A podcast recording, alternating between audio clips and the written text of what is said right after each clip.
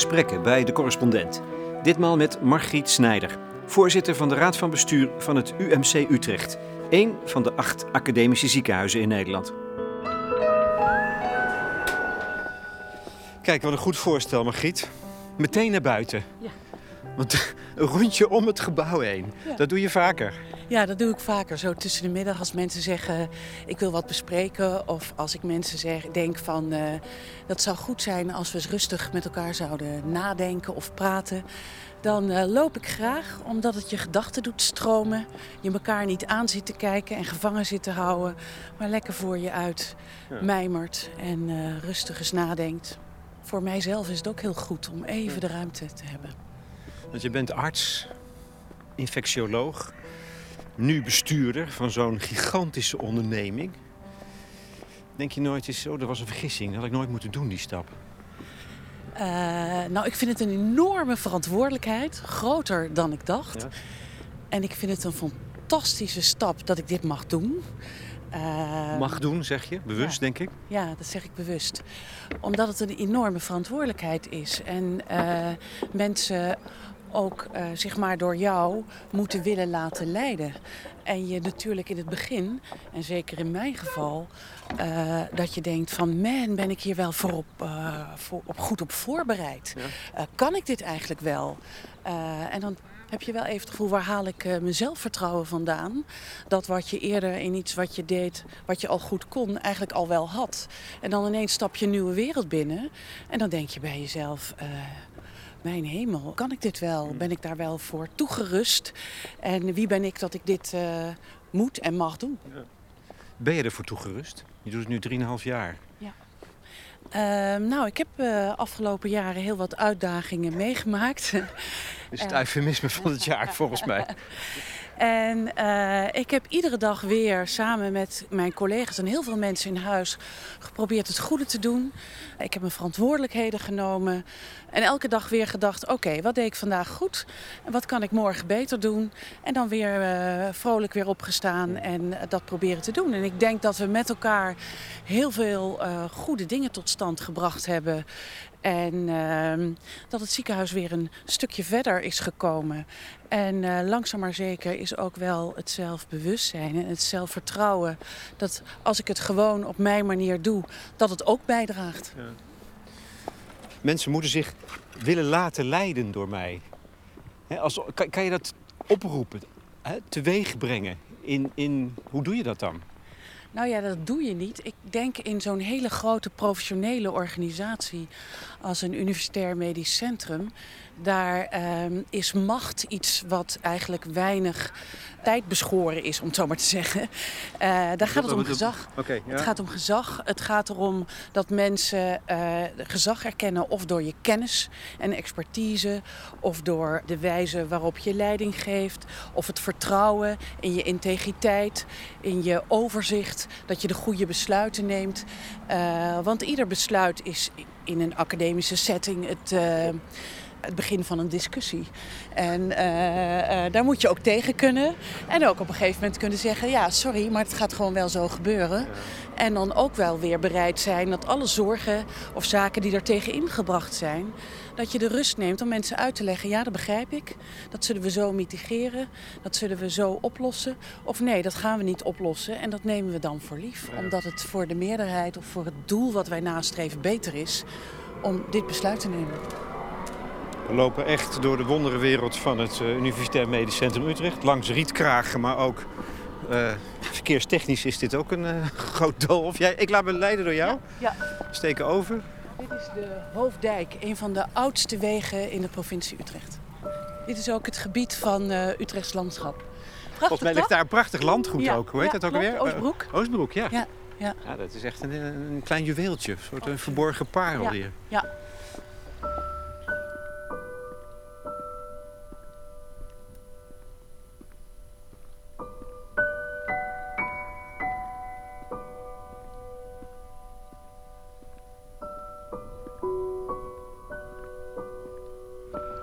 Jij, jij bent van huis uit eh Margriet Snijder. Komt nu even een autootje langs. Infectioloog. En jij hebt te maken gehad met de AIDS-epidemie Ja. als infectioloog. Ja. Dus dan gaat het terug naar de jaren 90. Ja. We zijn het nu alweer, realiseer ik mij, bijna vergeten. Dat is al geschiedenis. Terwijl toen was dat Ja. Een catastrofe, toch? Waar jij middenin stond. Absoluut. Absoluut. Jonge mensen eh, in de twintig, of zelfs soms jonger of iets ouder, die ineens overvallen werden zonder dat ze het eh, eh, ehm, zich realiseerden door een dodelijke ziekte. Die ze opgelopen hadden door gewoon verliefd te zijn of van mensen te houden, seksueel contact te hebben. En, eh, en die wisten eigenlijk niet door wat ze werden overvallen. En ineens was hun toekomst weg, omdat de gemiddelde overleving 8 tot 10 jaar was. En eh, gruwelijk. dramatisch. Ja. Leeftijdsgenoten. Eh, bizar. Koos je daar bewust voor om je daar toen mee bezig te houden? Of, of doordat dat opeens... Het was er opeens. Het was kan- er opeens en ik was op dat moment eh, bijna klaar als eh, internist. En eh, toen vroegen twee collega's van mij, omdat de infectieziekte en de behandeling eh, van HIV, het was net bekend, moest worden opgezet. Of, is, of ik als jonge internist eigenlijk met hen mee wilde doen om HIV-polies op te zetten. Om die behandeling mee vorm te geven, om mee te doen aan het onderzoek. Nou, dat leek mij enorm spannend en enorm waardevol. Omdat, het, eh, omdat er zoveel onbekend was. En omdat deze mensen, leeftijdgenoten, zo leden. Eh, Ik had ook een hele goede vriend die overleden was, eh, of, of op het punt stond te overlijden aan aids. En ik zag die catastrofe van dichtbij. En ook dat, eh, dus ik ben het niet daarom gaan doen, maar dat eh, ik dacht, ja, hier kun je ertoe doen. Hier kun je je bijdrage aan leveren. Maar terwijl het, het was toen juist nog, zeker in het begin, nog machteloos. Mensen gingen gewoon dood. Ja. Dus je was als arts, stond jij met lege handen, denk ik. Dat moet je gevormd hebben, dat denk ik. Ja, wat ik daar heel erg ehm, mooi aan vond, raar om te zeggen misschien, is dat je er dan heel erg moet zijn voor je patiënten. Dat als je behandelingsgewijs helemaal weinig voorhanden hebt, dan heb je wel je menselijke maat, eh, je respect, de manier waarop je met mensen omgaat, het lijden kan verlichten, er kan zijn voor mensen eh, en voor hun familie. Ja. Dat heb je dan wel. Maar En- dat is toch opvallend, dat je dan niet, eigenlijk niet meer arts bent, maar mens. Eh, maar ik denk dat dat altijd is in alles wat je doet. Ja, was het maar waar, denk ik wel eens. Ja, Eh, ja, was maar waar. Maar ja, dat is, dat is waar. Ik denk dat in ons beroep, maar eigenlijk überhaupt in ons mens zijn, dat we iedere dag weer ons moeten afvragen: was ik vandaag, en dat klinkt misschien wel zweverig, maar was ik mens genoeg? Eh, was ik Ja. niet te structu- ge- gestructureerd, Functioneel. te functioneel, te bestuurlijk? Maar waren er ook momenten dat ik die, de kans gegrepen heb om echt mens te zijn? En eh, dat werd toen echt wel heel erg gevraagd. Ja. Dat vond ik ook het mooie aan het artsenvak. Heeft het je niet bij vlagen wanhopig gemaakt? Er was geen, geen medicijn in de verte te bekennen. Jonge mensen, een hele generatie, vooral ook creatieve mensen, is er gewoon aangegaan. Ja, vanaf het begin af aan was, er al, was men bezig met de ontdekking van het virus en middelen die mogelijk zouden kunnen helpen. Maar dat stelde alleen maar uit. Hè? En op enig moment in 96 werd duidelijk als je dan ten minste drie middelen tegelijk gaf, dat er ineens een perspectief kwam. Hè? Van tien, we wisten nog niet hoeveel, hoeveel jaar, hè? 50 jaar misschien. En dat was ook een hele rare periode omdat jonge mensen die dachten van nou, ik ga nu binnen nu en een paar jaar dood. Eh, hun opleidingen niet afmaakten, het geld wat ze eh, bezaten opmaakten. Eigenlijk iedere dag hun laatste dag leefden, voor zover ze konden en niet ernstig ziek waren. Ehm, die kregen perspectief. En dat was extreem verwarrend. Want enerzijds riep iedereen hoera, hoera, wat ben je zeker blij dat je perspectief hebt. En anderzijds hadden ze begin 30 of halverwege de 30 eh, geen opleiding. Want dat, ja, dat kon niet. Eh, omdat ze ernstig ziek waren en ook geen perspectief hadden. Ze hadden geen eh, vaste relaties opgebouwd. Ja, eigenlijk zaten ze met lege handen en met het gevoel van en wat nu? Eh, ook met veel restverschijnselen van ernstige ziektes, half blind. nou, en dan het perspectief, moet ik hier nou mee leven en wat ga ik dan doen en hoe ga ik daar invulling aan geven? Dus het was best bizar. Dus, is dat dan niet het moment waarop jij geworden bent die je bent? Nou, ik, ik, uh, ik weet, het, het heeft mij mede gevormd. Uh, en je komt niet toevallig in zo'n vakgebied terecht. Enerzijds een nieuwsgierigheid naar alle nieuwe ontwikkelingen. Want dat ben ik ook, nieuwsgierig. En uh, altijd omdenken, hoe kan het dan wel? En tezelfde tijd ook dat menselijke aspect, dat coachende aspect. En het idee van iedere dag uh, kan je laatste zijn of je perspectief kan maar zo ja. weg zijn. Uh, daar, daar, leef jij ook mee? Ja, ik leef zonder bucketlist. Uh, ik roep ook thuis wel, ik kan morgen overlijden. Ik heb niet mensen waar nog ik iets mee moet ja. bespreken. Maar het is makkelijk gezegd, weet je, we roepen het allemaal wel. Ja. Maar het weten, het, het ervan doordrongen zijn is iets anders. Ja, ik denk dat uh, in zoverre, het is de manier waarop ik uh, opgevoed ben, denk ik. Zoals ik leef. En ik denk dat ook mijn vak zeker mij ook zo gevormd heeft. Ja. Je zei laatst een keer, ik heb met kinderen met aids te maken gehad. Dat is toch het gruwelijkste wat er is dan? Afschuwelijk. En het, het waren vaak de kinderen van mijn patiënten. De uh, kinderen werden natuurlijk behandeld door de kinderinfectioloog. Ja. En wij hadden wekelijks, uh, en dat is nu nog zo, besprekingen met de kinderinfectiologen. Waarin wij families bespraken over uh, gewoon de, de, de, de medisch-technische zaken van het vak, maar ook de sociaal-maatschappelijke. Ja. En wat mij enorm opviel, was dat die ouders heel punctueel voor hun kinderen bij de kinderarts kwamen, maar heel vaak niet op onze afspraken.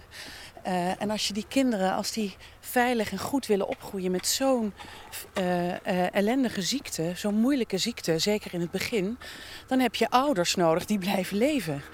en die ouders waren niet therapietrouw, die kwamen niet.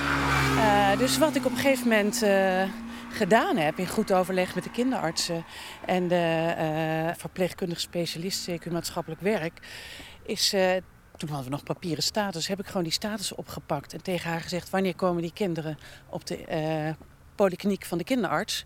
En ben ik daar gewoon mee in de wachtkamer gaan zitten. En elke keer als er dan ouders met kinderen kwamen, plukte ik die ouders naar een vrije uh, spreekkamer behandelde uh, of ja. deed een polykliniekconsult. wij overreden de, het laboratorium om dan af en toe maar een volwassene te prikken in het kinderziekenhuis. En, en dat is nu geïnstitutionaliseerd. Dat, is, dat, dat gebeurt ja. nu zo. Ja, ik vind het ongelooflijk hoor. Nou ja, ik, ik eigenlijk niet. Ik vind het eigenlijk heel logisch. Ja, dat kun je ook zeggen. Maar ja, je moet wel de moed hebben om dat te doen, denk ik. Of de vrijheid, of de weet ik veel wat. Ja. ja. Ik denk dat ik die wel in mijn hoofd heb. Maar het was ook wel fantastisch, want het samen beslissen, het co-creëren met uh, patiënten, wat nu echt uh, uh, het doel is waarnaar wij streven, begon al in de jaren negentig al bij patiënten die HIV geïnfecteerd waren. Dat was natuurlijk een hele actieve groep. Het waren jonge mensen die in de regel goed georganiseerd waren. En we hebben in zoveel zaaltjes in de stad met patiënten gesproken als uh, ja, ook niet altijd alles weten, de HIV-behandelaren. Uh, waarbij je dan uitlegde wat de nieuwe therapieën en wat er on on mm. ontdekt was. En dat de mensen in zo'n zaal uh, zeiden van ja, dat is allemaal wel prachtig. Maar wat kan nou wel en niet bij het vrije? Wat is nu veilig? En dan zaten wij bij elkaar te denken van, hmm, weten we dat eigenlijk wel? Nee. Nee. Uh, en moeten we daar niet uh, eigenlijk verder onderzoek naar doen? Eigenlijk precies wat we nu uh, nastreven. Welk onderzoek, zowel bazaal onderzoek in de laboratoria met in techniek, of welk toepassingsonderzoek moeten we eigenlijk doen? En het sluit aan bij de behoeften en de vragen van patiënten. Uh, hebben we nooit gedaan. We hebben altijd zelf bedacht wat er goed is voor de mensen. En uh, daar begon, dat. was heel erg duidelijk. Jongens, dit zijn de vragen die we hebben. En dat je dan dacht van, uh, hmm, dat moeten we eigenlijk wel uitzoeken, want dat heeft echt impact. Dus dat is het begin van de ontwikkeling tot op de dag van vandaag. Hè? Dat, dat, dat, het, dat je anders omgaat met, nou ja, niet alleen macht, maar vooral ook autoriteit. Je eigen autoriteit als arts. En dat, alles in, in de zorg, moet eigenlijk samen met patiënten wezenlijke transitie dus. Ja, en, en dat betekent wel dat we onze eigen expertise hebben. Ja. Dus ik vind het een fantastisch verhaal over uh, Henry Ford. Dat in die tijd uh, uh, zeiden mensen we willen sneller vervoer. Dus geef ons snellere paarden. en Ford had de brieën om een auto uit te vinden. Hmm had natuurlijk mensen nooit om gevraagd. Mensen hebben nooit om een iPhone gevraagd of om WhatsApp. En op een gegeven moment verzint iemand, als je dat wil, dan kunnen we dit voor je realiseren. Dat is onze taak ook in een universitair medisch centrum. Met alle experts die ehm, eh, in het onderzoek en ook in het onderwijs, dat die heel goed luisteren naar die vraag. En dan uh, bedenken, wat zou je moeten doen? Er zijn twee fantastische voorbeelden die een beetje in hetzelfde vlak ja. liggen. Van bijvoorbeeld zwangere vrouwen. Die zeiden, ja, dan zijn we hoogzwanger en hebben we zwangerschapsvergiftiging. En dan kunnen we eigenlijk niks verdragen, moeten we rust houden. Maar dan vragen jullie wel ons drie tot vijf keer per week naar het ziekenhuis te komen. De kleine kinderen thuis. En ik heb er stress van, want gaat mijn kindje dood. En hoe moet dat allemaal? En men heeft uh, een app ontwikkeld en allerlei uh, uh, verzamelen van big data. Waardoor mensen thuis kunnen blijven met de apparatuur waarin ze zo vaak, maar in ieder geval één of twee keer per dag hun bloeddruk meten en controleren of het kindje goed is. Weten zich 7 keer 24 uur verzekerd van uh, toezicht. En kunnen gewoon thuis blijven. De rust die dat geeft. Ja. De, een eenvoudige uh, oplossing zou je zeggen. Ja, maar ja, doe het maar. Maar het begint met de vraag ja, van de patiënt. Ja, ja. nou dat. En dat je dan echt luistert, wat willen ze nou eigenlijk? Door, dwars door alles heen hoor ik dus... Oh, dus het is oog in oog met de dood. En die was verwoestend en gruwelijk voel ik ook bij jou als arts, ja, dat is misschien wel typerend, de opwinding. Ja. Over, hè, eh, over wat er dan toch ook nog mogelijk is. Ja, ja die is er ook. En dat is altijd, die is er dus ook altijd? Op altijd. En dat is het fantastische van ons vak. Ook als bestuurder. Uh, de dagelijkse zorgen over uh, patiënten die niet tevreden over zijn, over ons zijn, die moeilijke dingen meemaken. Zaken die, niet, die we graag goed geregeld willen zien, maar dan toch weer niet uh, goed geregeld zijn. Uh, en de enorme hoeveelheid mogelijkheden. We staan hier nu te kijken op het UMC Utrecht en het Utrecht Science Park. Moet je eens voorstellen, dit UMC Utrecht, wat enorm is. Wat, je ziet de Universiteit Utrecht, het Hubrecht Instituut, het RIVM wordt daar, staat daar in de stijgers. Uh, er zitten allerlei bedrijven, uh, spin-offs, start-ups. En allemaal zijn we samen bezig, uh, hebben we allianties. En niet alleen op dit terrein, maar ook met Wageningen, met Eindhoven. waarbij we allemaal dingen bedenken, multidisciplinair. Hoe kunnen wij gezondheid van mensen verbeteren? Ja, dat is toch spectaculair? En vooral ook, hoe gaan we de vragen neerleggen. En dan zijn we nu met uh, verschillende universiteiten, Universiteit Utrecht ook en, wij als UMC binnen, dat wij challenges doen. Dat we studenten vragen, um, patiënten leggen een probleem neer. En dat we dan een aantal patiënten, uh, studenten bij elkaar uh, zetten. En dat we zeggen, jongens, wat zou de oplossing van dit probleem kunnen zijn? En dat kunnen technische studenten zijn, of van de humanities erbij, of van de verpleging. Of, uh, uh, en die gaan dan met elkaar zoals we dat noemen, co-creëren. En uh, daar doen we challenges voor. Uh, uh, en met prijzen, dat doen we op digitaal, dat doen we op techniek, maar dat doen we ook op grote problemen. En daar komen oplossingen die we dan ook financieren. waarbij je echt denkt van ja, ja, opwindend gewoon. From mother to son, from father to daughter, we're climbing the staircase. It's what life's about. This journey provides rooms without carpets. Just go on and reach for what you want in life. Cause it's a new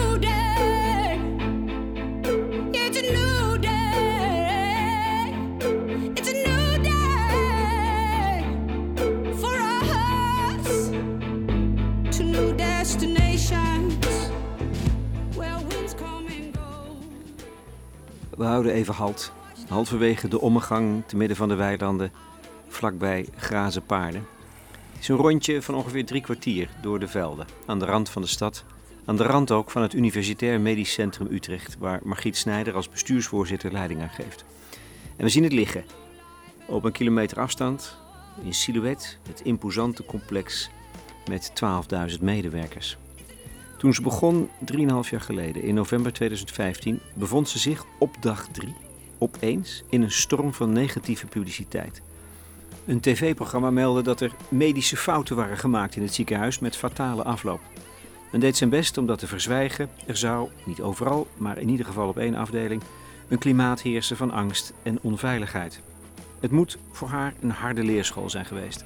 Ehm, ja, ik denk de eerste zes weken hard, omdat je eh, met de beste intenties begint. En denkt, ik ga er wat moois van maken. Leuk inwerkprogramma, ga met iedereen kennis maken. En op dag drie eh, ben je in de media onderwerp van, uh, of ben je, het, het ziekenhuis is in, heel negatief in het nieuws. En het beeld werd geschetst, wat natuurlijk een beeld is wat, wat leeft in de samenleving, in ziekenhuizen, worden fouten gemaakt. Daar moeten we een schuldige voor hebben. En ja, en dokters houden dokters altijd de hand boven het hoofd. En het bestuur houdt die dokters boven, de hand boven het hoofd. wij moeten daar meer openheid en transparantie voor hebben. Dag drie. Ja. Was je in paniek? nee, ik was eigenlijk verbijsterd. En ik had het idee dat ik in het voorste karretje van een achtbaan zat. Ik dacht, even goed vasthouden. Uh, en gewoon maar even rijden.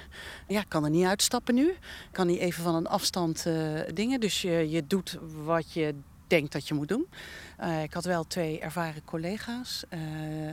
en met z'n drieën en met een heleboel uit de leiding van alle divisies en directies... hebben we meteen bij elkaar gezeten en gezegd... oké, okay, dit beeld is natuurlijk ook een waarheid. Ehm, waar hebben wij dingen wel goed, niet goed gedaan? En wat is onze, wat is onze opdracht hierin?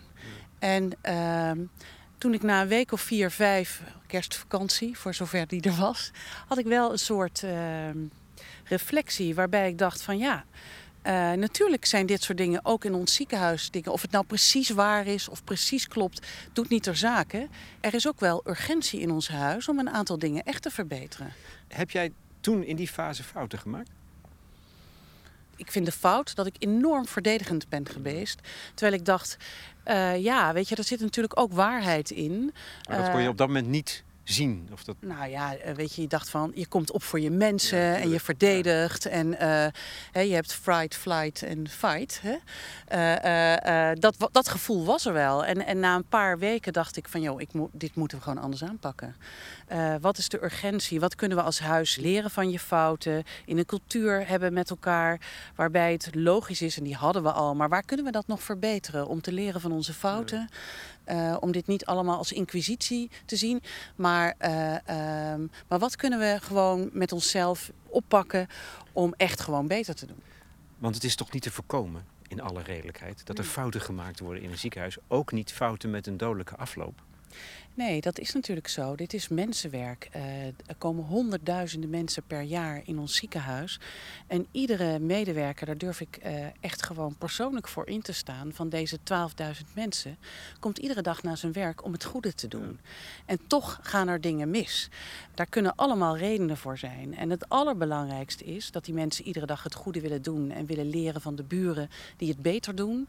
Om te kijken van wat zou ik moeten doen om het nog beter te doen. Daar hebben we ook afgelopen drie jaar enorm op ingezet. In dagstarts en weekstart, waarbij mensen denken: wat zouden we vandaag weer of de komende weken weer met elkaar kunnen oppakken. En tezelfde tijd ook de cultuur creëren dat uh, er van fouten geleerd mag worden. Dat we niet op meteen op zoek gaan naar een schuldige, wiens kop eraf moet. Maar juist dat je zegt, wat is vermijdbaar? Want als de intentie van al deze mensen is om het goede te doen... dan zijn ze blijkbaar in een setting gekomen waar ze te druk hadden... waarbij dingen niet goed geregeld zijn, waardoor ze deze fouten kunnen maken. En de vraag is altijd, zou een collega van hen in dezelfde omstandigheden ook zo'n fout of incident hebben veroorzaakt?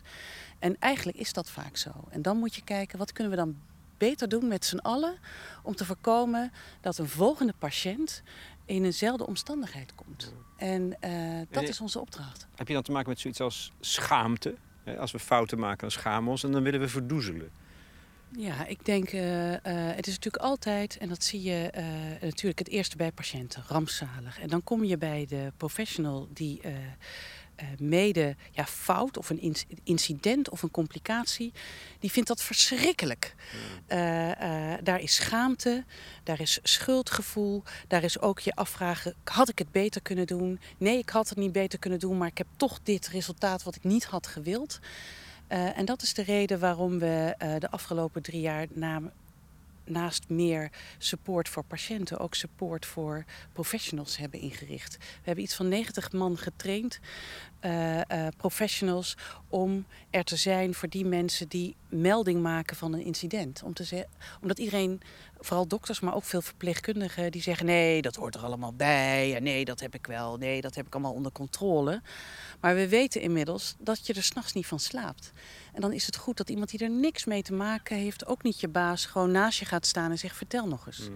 En wat roept het nou bij je op? Uh, Toch die uh, menselijke kant. Juist daar ook ja, die men, ja, daar mens mogen zijn, die ruimte daarvoor bieden dan? Ook om te uh, zorgen dat um, iedereen deze dingen die niet gaan zoals je gewenst hebt, en wat het dan ook is, een fout, een incident, een complicatie, dat mensen die blijven melden, om met elkaar te kijken hoe kunnen we nou met elkaar die zorg beter maken? Hoe kunnen we nou zorgen dat jij ook niet uh, hiermee te maken krijgt? En is het wel te voorkomen? Uh, en wat kunnen we dan doen om dat uh, beter te doen? Ik denk dat daar als ziekenhuisje een heel veel beter van wordt. Ja. Heb jij er iets van geleerd? Ja, dat... Volgens mij ben je wel af en toe, zeker in die beginfase, door het stof moeten gaan. Of door het stof, ja. om niet te zeggen door het slijk gehaald zelfs. Ja, ik denk, uh, ja, slijk gehaald, dat doe je niet zelf. Hè? Nee. Maar uh, uh, door het stof gaan is ook deemoed. En ik denk dat, daar, dat ik dat geleerd heb. Ja, dat wist ik al, dat het belangrijk is. Maar de nederigheid om feilbaarheid te erkennen, die is er natuurlijk altijd wel. Er komt nu een, een traumahelikopter. Ja. daalt nu neer op het ziekenhuis ergens? naast de IC. Oké. Okay. Dat is dat, die opbouw op het dak.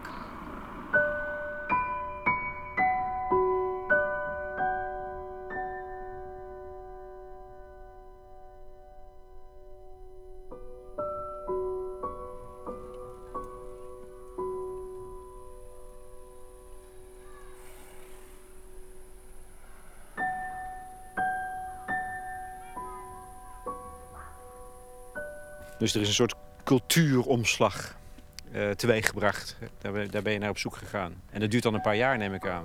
Ja, ik vind het een beetje groot. Ding, ja. Even de moeilijkste dingen om te veranderen ja. in een organisatie. Ja, dat is zo'n fokken- en sukkenmopje. Hè? De cultuuromslag, beste mensen, is aanstaande dinsdag om half vier. Uh, ik weet hoe moeilijk het is inmiddels. En dat we daar met z'n allen aan moeten werken. En uh, dat dat niet zomaar door zo'n hele organisatie zijpelt. Maar je moet blijmoedig, standvastig, geen haast hebben...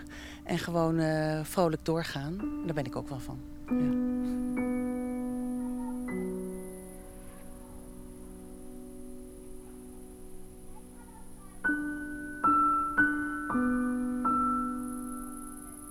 Dat vind ik altijd zo raar aan dit soort uh, kwesties. En, en de, de, journalistiek zit er als hyena's natuurlijk bovenop.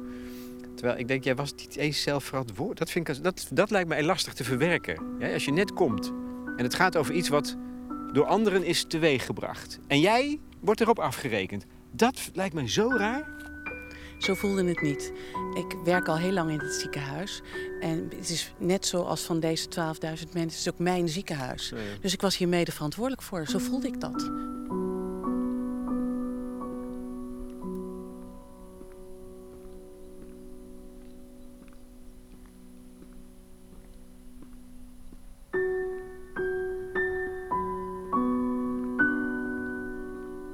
Zelfs de zon doet af en toe mee. Dit was het verleden. Zo een blik werpen in de toekomst. Waar je volgens mij nadrukkelijk mee bezig bent. Is ook een operatie. Toekomstdebat 2030. Um, hoe ziet het academisch ziekenhuis er over ruim tien jaar uit? Nou, kijk maar in de glazen bol. Wat jullie gedaan hebben is, volgens mij in een poging ook om die cultuuromslag nog eens te, te verstevigen, geprobeerd hebben om iedereen van dat complex instituut erbij te betrekken. Ben je tevreden over hoe dat verloopt? Uh, ja, het loopt eigenlijk uh, nog mooier dan ik gedacht had. Uh, ik hoopte dat tientallen, misschien honderden mensen zouden meedoen. En Uh, daar hebben er een paar duizend mee gedaan.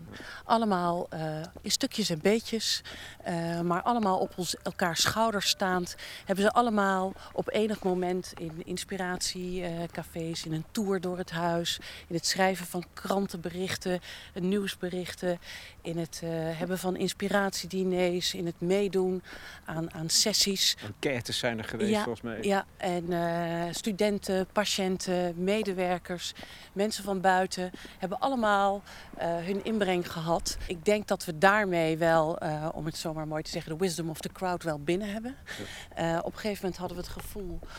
Omdat ze natuurlijk ontzettend druk zijn, dat we weinig verpleegkundigen of OK-personeel. Ja. Toen zijn we gewoon naar de verpleegkundigen toe en naar de OK toegegaan.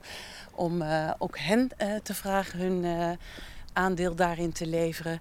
Dan is het nu, zijn we de rode draden aan trekken. Aan te kijken welke zaken worden meegegeven over we willen sneller vervoer, faster horses. En moeten wij wat gaan bedenken. En welke dingen geven al richting uh, de oplossingen. Uh, dat is prachtig, dus dat zijn we nu uh, met elkaar aan het kijken. Ook, we hebben iets van 40 rapporten ook van het laatste jaar uh, ook samengevat uh, en gezegd: oké, wat willen die allemaal? We zijn in Utrecht heel erg bezig met de Utrecht Health een gezond en gelukkig Utrecht 2030. En al die dingen nemen we mee. Wat is dan precies de rol van het Universitair Medisch Centrum? Ik denk Wat zie jij dan? Ja, ik denk dat een heel belangrijk uh, item wordt uh, dat de zorg zich verplaatst. Ik denk dat um, 30 tot 50 procent van de zorg uh, rondom mensen in hun eigen omgeving is. En welke rol spelen wij dan in onderzoek en het opleiden van de nieuwe generatie, professionals daarin? Uh, en um, welke innovatie moeten wij dan zelf tot stand brengen? Okay. Uh, um, wat is de rol van de digitale transformatie daarin? Wat doet e-health, big data, robotica? Hoe zijn die daarin ondersteunend? Maar allemaal in, dat, in die ontwikkeling? Ja. Patiënten thuis. Ja. Maar dat betekent toch dat dat huis kleiner wordt? Dat er minder patiënten zullen zijn? Ik denk ook minder medewerkers dan binnen intern? Ja, ik denk dat uh, uh, dat is even de vraag. Er, uh, in zo'n huis zal hele gespecialiseerde diagnostiek, gespecialiseerde techniek, ontwikkeling van techniek, ontwikkeling van onderzoek, operaties of beeldvormende technieken en behandelingen plaats moeten blijven vinden. En als je zorg thuis levert, dan zal dat ook gebeuren doordat wij hier specialisten en experts hebben en professionals en verpleegkundigen die, uh, net zoals bij dat Save at Home, wat ik eerder vertelde, 7 keer 24 uur uh, beschikbaar zijn uh, voor patiënten. Die patiënten liggen hier misschien niet, maar moeten wel begeleid worden. En ik denk dat uh, verpleegkundigen uh, meer co-piloten worden van patiënten. Hè? Hoe, hoe, wat moet je doen en uh, helpen bij dingen. En dat bijvoorbeeld artsen een soort verkeersleiders worden. in, de, in de complexiteit van de zorg. Zij hebben de kennis en de kunde. Zij begrijpen hoe dingen in elkaar zitten. We moeten hier even op okay. de stoep lopen. Ja, lopen we op de openbare weg. nou, dat is de zorg verplaatsen.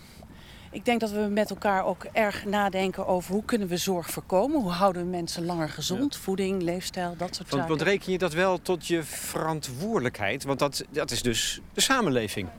Ja, dat is de discussie die we met elkaar voeren. Ik denk als we. Uh, er worden ontzettend veel data nu in het vrije gebied uh, verzameld. Als we kijken naar gezondheid, het voorkomen bijvoorbeeld van hart- en vaatziekten, het voorkomen van kanker, dan kunnen wij aan de database de goede vragen stellen. En daarmee ook kijken welk onderzoek mm. moeten we doen.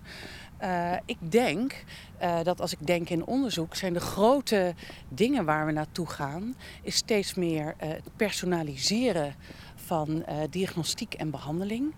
Uh, we hebben uh, nanotechnologie, genetica, dat je weet welke kanker uh, genetisch bij de, de borstkanker van uh, mevrouw A is niet hetzelfde als van B en C, zodat we meteen gerichte de goede therapie kunnen geven. We weten nu al, we hebben een hele grote populatie van kinderen en volwassenen met cystic fibrosis, taai slijmziekte. En in het Hubrecht Instituut zijn uh, kleine mini-orgaantjes uh, uh, gemaakt. Waarbij je gewoon in twee weken alle medicijnen die voor dure medicijnen die voorhanden zijn voor taai-slijmziekte op die mini-orgaantjes, mini-longetjes kunt testen. En vervolgens weet je dan eh, wat voor dat kind of die persoon het beste middel is. Dat scheelt soms één of twee jaar. Eh, gewoon middelen gebruiken die niet eh, helpen. En ook dat voorkomt dus achteruitgang.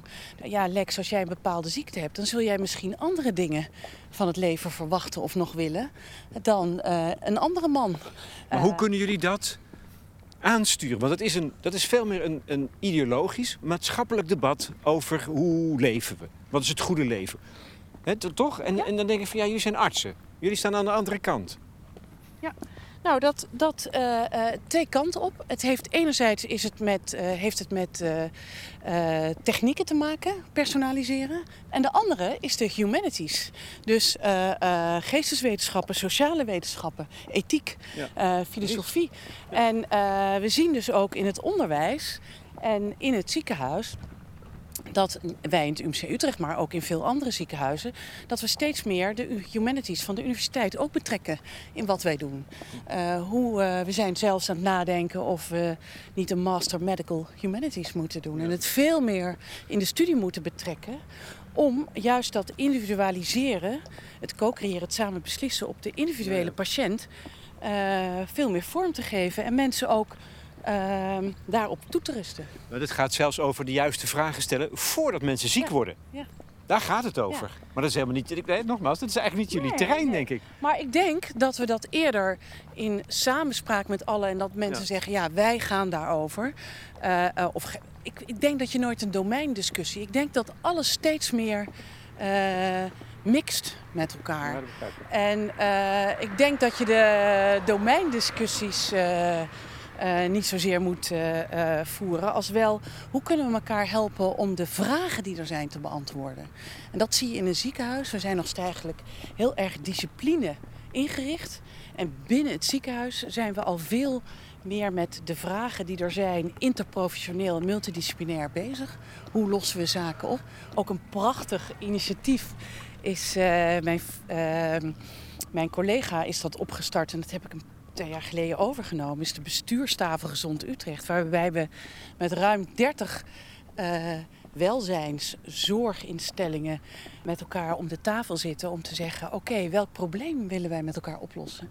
En er zit het Leger des Heils en het Trimbos en vrijwilligersorganisaties en eh, ziekenhuizen, maar ook eh, verzorgings- en verpleegtehuizen. Nou, noem maar alles op. Jeugddetentie. En eh, iemand zegt: Ik heb dit probleem. Dan denken we met hem mee. En soms zeggen mensen.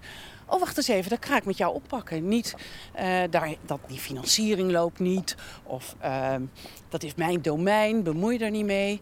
Maar eh, en dat is enorm vrij denken. Vind ik fantastisch. Ja, dat lijkt me heel inspirerend. Ja, ik wou dat, Dat het- dat- maar, kijk, er staat ook een enorme eh, discussie te wachten over de kosten. Die, is al jaren bezig over de kosten. En die moeten beperkt worden. Terwijl ik denk, wat je ziet, is dat de zorg steeds meer opdraait voor problemen die maatschappelijk zijn. Mhm. En, en, en dus eigenlijk oneigenlijk. En we leven, denk jij ook niet vaak, we leven in een krankzinnige wereld. Ja. En eh, wij draaien ervoor op. Eh, nee, zo denk ik niet. Nee, wij leven in een waanzinnige wereld waarbij zuilen hè, en sociale structuren eigenlijk afgebrokkeld zijn voordat er iets nieuws in de plek komt. Mensen zijn enorm op, hun, op zichzelf aangewezen. En dat betekent dat er ook heel veel korte termijn oplossingen worden verzonnen. En niet eh, volgens een bepaalde waarde of een bepaald denkpatroon voor de lange termijn iets opgelost wordt. Daar zitten we in. Hè? Hartstikke lastig. En ehm, eh, wat vroeg je nou precies? Oh, je draait je voorop. Ja, nee, is, ja, Nee. nee, ja, ja, want wij leven in een krankzinnige wereld. En jullie draaien er voor de ellende op, die maatschappelijk wordt georganiseerd. Feitelijk moeten wij daar veel meer zicht op hebben. Het is hartstikke mooi. Door die bestuurstafel hebben we nu in de master geneeskunde... heeft iedere student gaat twee weken samen met een vrijwilligersorganisatie... achter de deuren eh, kijken bij mensen eh, met een migratieachtergrond. En, daar, eh, en wat we daar dan ze voor terug doen... is dat ze dan in het wijkcentrum... eh, ehm, twee keer uitgebreid een hele middag vragen behandelen over gezondheidszorg die die mensen hebben. En dan, daar komt het inzicht dan dat deze meneer heeft misschien een hoge bloeddruk, maar hij heeft ook een schuldenprobleem. Of een, een kind wat uh, een probleem heeft. Precies, ja. Dus misschien moet ik die bloeddruk niet dingen, maar moet ik mijn collega even van jeugdzorg of de wijkzorg of buurtzorg bellen en zeggen: God, wat zouden we kunnen doen? Waardoor die, wij niet gewoon maar dat pilletje geven, maar eigenlijk het andere contact zeggen. Daar, daar komen ook buurteams vandaan die uh, makkelijk te vinden zijn. Dus ik denk dat we veel creatiever moeten zijn. En wat ik ook prachtig vind, is uh, ja, als we die zorg thuis gaan organiseren, uh, dan blijkt, dan zijn al mensen, huizen in Amerika, in Israël en in Finland ons voorgegaan, waarbij je enorme veel effectiever werkt als je niet al die mensen maar dit het naar je ziekenhuis laat komen of hier laat liggen. Hebben we daar de belangrijkste dingen mee in beeld? Ja, één ding ontbreekt in ieder geval nog. Um, dat is dat nijpende en dreigende personeelstekort. Want het perspectief dat je schetst is fantastisch. En je begon met een zeer bevlogen verhaal over hoe je mens bent in die zorg. Misschien wel in de eerste plaats. Maar ondertussen trekken mensen zich terug. Dat moet je zorgen, dat moet je grote zorgen baren. Ja, daar heb ik ook echt, uh, dus daar kan ik slecht van slapen. Uh, alhoewel ik eigenlijk best goed slaap. maar, maar bij wijze van spreken, het is zo dat het. Ik denk dat er nog steeds heel veel jonge mensen in de zorg willen werken. Want het geeft betekenis. En ook veel mensen die al langer ergens anders werken, graag willen zij instromen. Ik denk aan de andere kant dat we weer niet zo'n flexibele bedrijfstak hebben en proberen we nu wat aan te doen om deze mensen dan ook op maat goed op te leiden en te verwelkomen. En ook om, uh, want op dit moment verpleegkundige of gespecialiseerde beroepen uh, in de uh, verpleging, uh, is het moeilijk om deze mensen te binden en te boeien. Hoe komt het dan? Ja, omdat uh, mensen vaak op een of andere manier worden opgeleid en dan jarenlang hetzelfde uh, blijven doen. En eigenlijk moeten we veel meer nadenken. Over traineeships. Hoe zou je dit willen doen? Hoe kun je mensen begeleiden om nieuwe dingen uh, te leren, andere dingen te gaan doen, mogelijkheden te bieden. En, uh, en niet vast blijven zitten dat ze dan weer een hele nieuwe opleiding moeten ja. doen. Daar zijn we ook landelijk mee bezig. Maar dus je moet je als mens kunnen ontwikkelen. Terwijl het beeld bestaat, heb ik niet alleen, maar afgezien van de, van de salariering, is dat er zo weinig ruimte is om precies dat te doen waar je het voor, als je het al wil, waar je het voor zou willen doen. Namelijk zorg bieden, met mensen ja. omgaan. Nou ja, dat, dat is precies wat wij ook de afgelopen uh, heb, uh, drie jaar hebben een heel programma, uh, een werkwijze geïntroduceerd.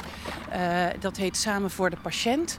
En dat bestaat erin dat we de teams multidisciplinair, dus van de hoogleraar tot aan de secretaresse, van de verpleegkundige tot aan de dokter, bij elkaar staan in een dagstart en zeggen wat hebben we hier met elkaar te doen vandaag. En ook met elkaar zeggen aan welke verbetering werken wij de komende drie maanden. Ingegeven door de wens van de patiënt. En, uh, maar dat kan ook zijn dat zo'n club zegt, ja, uh, wens van de patiënt, maar we zitten met te weinig mensen en de werkdruk loopt op. En dan zie je ook dat aan die dagstartborden wordt gezegd, wat is dan onze werkdruk? Wat kunnen we dan zelf oplossen? Want daar zit ook uh, los van het feit dat er krapte is, is er ook uh, om daar goed mee te kunnen omgaan of om plezier in je werk uh, te houden, moet je ook de gelegenheid krijgen om zelf je besluiten te nemen die nodig zijn voor het werk wat jij doet. Fundamenteel zelfs. Absoluut. Voor zelf verantwoordelijkheid mogen dragen. Ja, en dat is nog een helft job om dat uh, ja. goed ingericht te krijgen. Dus we, we hebben de methode. Iedereen is eigenlijk getraind. Of in ieder geval 8, 9000 nu van de 12.000. Maar ja, dan, dan, is het nog, dan is het nog niet daar. Hè? Nee. Dan is het ook echt volhouden om te kijken. En hoe kunnen mensen nu echt ervaren dat ze die ruimte nemen? Ja, want we hadden het er al over dat je intern de afgelopen 3,5 jaar bezig bent geweest met een soort cultuuromslag. Maar in feite, wat hiervoor nodig is, is dus ook naar buiten toe een verandering van het imago van de zorg. Nou, ga er maar aan staan. Ja, maar uh, het fijne is wel uh, dat de waardering van de patiënten uh, voor ons enorm hoog is. Ja? Eigenlijk ook al die uh, tijd ook gebleven is. Uh, dus uh, burgers vinden wel iets van ons, maar onze eigen patiënten uh, zijn enorm positief. Maar dat neemt niet weg eh, eh, dat je altijd moet werken, hoe kan het toch beter? Ja. Eh, eh, want de wereld verandert gewoon. Ja, een, zeer rap tempo. Ja. Je werd er volgens mij in een van die ontmoetingen die in het kader van het toekomstdebat eh 2030 voor, ja, we gaan naar binnen. voor het, voor het UMC Utrecht nadrukkelijk op gewezen door iemand uit de bankenwereld. Zo van ja jongens, wij hebben als sector klappen gekregen, enorm, dat was niet normaal. Maar dat staat jullie ook te wachten als zo- zorgsector. En toen zag ik jou kijken van, oeh, daar zou ze wel eens gelijk in kunnen hebben. Ja, ik denk dat het aan ons is om snel genoeg mee te veranderen wat de klant, de burger, de patiënt van ons wil. En, ehm, Het klinkt echt als commercie. Weet je. Dan praat je als een, Ja. als een vertegenwoordiger Ja. opeens. Maar, maar eh, mensen zitten. eh, mensen veranderen ook mee in deze tijd. En die eh, realiseren zich dat ze behoeftes hebben en iets te wensen hebben. En dat de dokter niet meer eh, God is, die het gewoon uitmaakt. Maar dat eh, ze misschien wel op tijd bij school moeten staan of op hun werk willen zitten. Dat ze helemaal niet meer bereid zijn om hier een uur te wachten of onverrichterzaken naar huis gestuurd te worden. En Dat vind jij helemaal- terecht dus Ja, ook. ja. Heb ik zelf ook. En zelf realiseer ik me ook als ik patiënt ben hoe kwetsbaar je bent en hoe, be- hoe je bereid je bent om niks te zeggen. Eh, En daar, dat is ook onze verantwoordelijkheid om te realiseren hoe kwetsbaar je bent als patiënt. Eh, Dat blijkt eh, vooral als artsen zelf patiënt ja. worden volgens mij. Dan komen ze er opeens achter, toch? ja, ja, ja, is gewoon zo. Ja. Dan schrik je je dood. Nou ja, dus, ja eigenlijk wel. dat is overdreven. Nou, maar, nee. nee, dan maar je realiseert je opeens door de perspectiefverandering. Ja. Oh, wacht even, zo werkt Ja, dit. ja.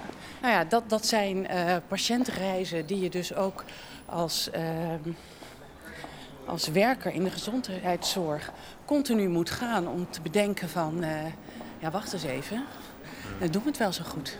Ja.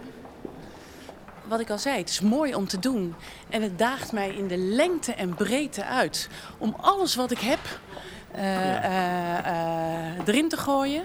En eh, soms ben ik ook wel veel eisend, omdat ik dat ook van anderen verwacht. En dan dacht ik, nou, dat kan misschien wel een tandje minder. Moet Dus alles wat je hebt is intelligentie, ervaring, Ja. menselijkheid, Ja, ja, intuïtie, ja. gekte. ongeduld. Oh ja, Eh, eh, is ook belangrijk. ook mijn, eh, eh, mijn minder goede eigenschappen komen natuurlijk eh, eh, aan bod. En dat je daar ook mee moet dealen. Eh, eh, en anderen ook. En dat je dat eh, eh, op een goede manier moet doen. Dus ehm, ja. Leuk. Ja. Mooi. Dankjewel. Ik vond het echt een hele mooie, echt een mooie wandeling. Heerlijk, dank je. Graag gedaan. Vond het ook leuk.